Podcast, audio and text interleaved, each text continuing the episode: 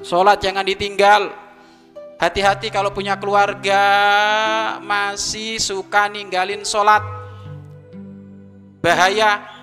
Karena pertama kali yang nanti dihisap di hari kiamat itu bukan amal lainnya, bukan amal apa pun kecuali sholat. Makanya tolong jika ada keluarga yang belum sholat diajak, dibujuk